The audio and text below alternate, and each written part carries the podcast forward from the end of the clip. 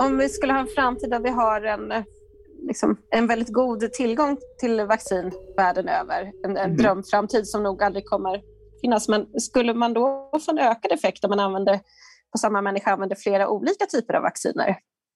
Ja, det där är också en jättespännande fråga därför att det har man, precis det har man sett i djurmodeller.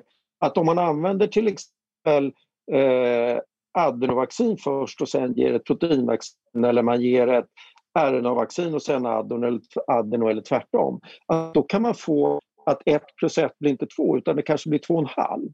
Eh, så att det är fullt möjligt att det också i människa kan bli så och kommer att hamna i den sitsen. Att, eh, för det första kommer någon och frågar vad fick du för vaccin? Ja, gisses, det kommer jag inte ihåg.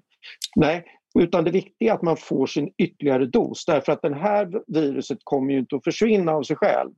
det här måste vi vaccinera bort, vi måste ha ett fullgott skydd under lång tid och det tror jag tyvärr kommer att innebära att vi får ta en dos till då kanske var 12 till 18 månad, åtminstone de närmsta åren tills vi har liksom släckt ut pandemin ordentligt.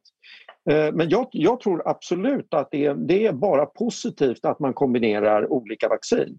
Men där håller man nu på med olika studier. Till exempel i England kombinerar man eh, Astras med Pfizers vaccin.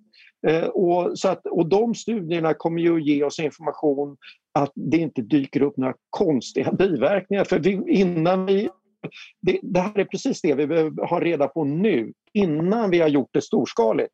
Därför att i höst kommer vi att göra det här storskaligt. Och då måste vi få reda på, finns det något vi inte ska komma Vad finns det för möjliga saker som kan hända?